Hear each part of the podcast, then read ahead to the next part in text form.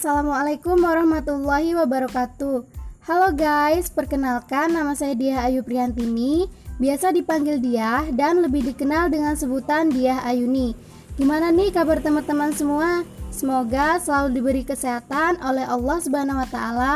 Amin Allahumma amin. Sebelum dimulai wawancara, dia punya moto yaitu seluruh usaha yang dilakukan hari ini akan menjadi kenangan manis di masa sukses. Oke, langsung saja. Di sini dia sudah bersama dengan narasumber yang akan diwawancarai yaitu Ibu Istia. Assalamualaikum Ibu. Waalaikumsalam. Saya Dia Ayu Priyantini dari Universitas Islam Negeri Raden Intan Lampung. Bolehkah saya minta waktunya sebentar, Bu? Iya, boleh. Di sini saya ingin bertanya tentang kios bakso Ibu. Sejak kapan Ibu punya usaha bakso ini? Sejak pandemi corona.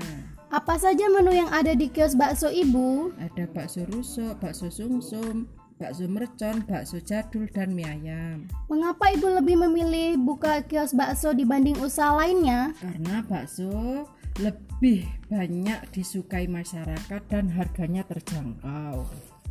Di era pandemi saat ini, bagaimana sih cara Ibu mengatasi permintaan dan penawaran dari setiap pelanggan? Dengan cara menciptakan varian bakso dari setiap permintaan pelanggan dan menyediakan bandrol agar supaya pelanggan lebih tahu harga setiap baksonya.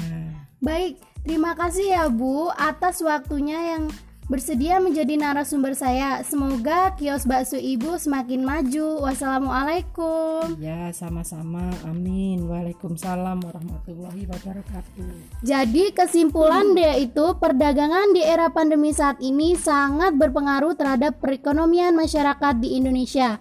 Oke, itu saja wawancara yang bisa saya sampaikan. Terima kasih. Wassalamualaikum warahmatullahi wabarakatuh. See you guys.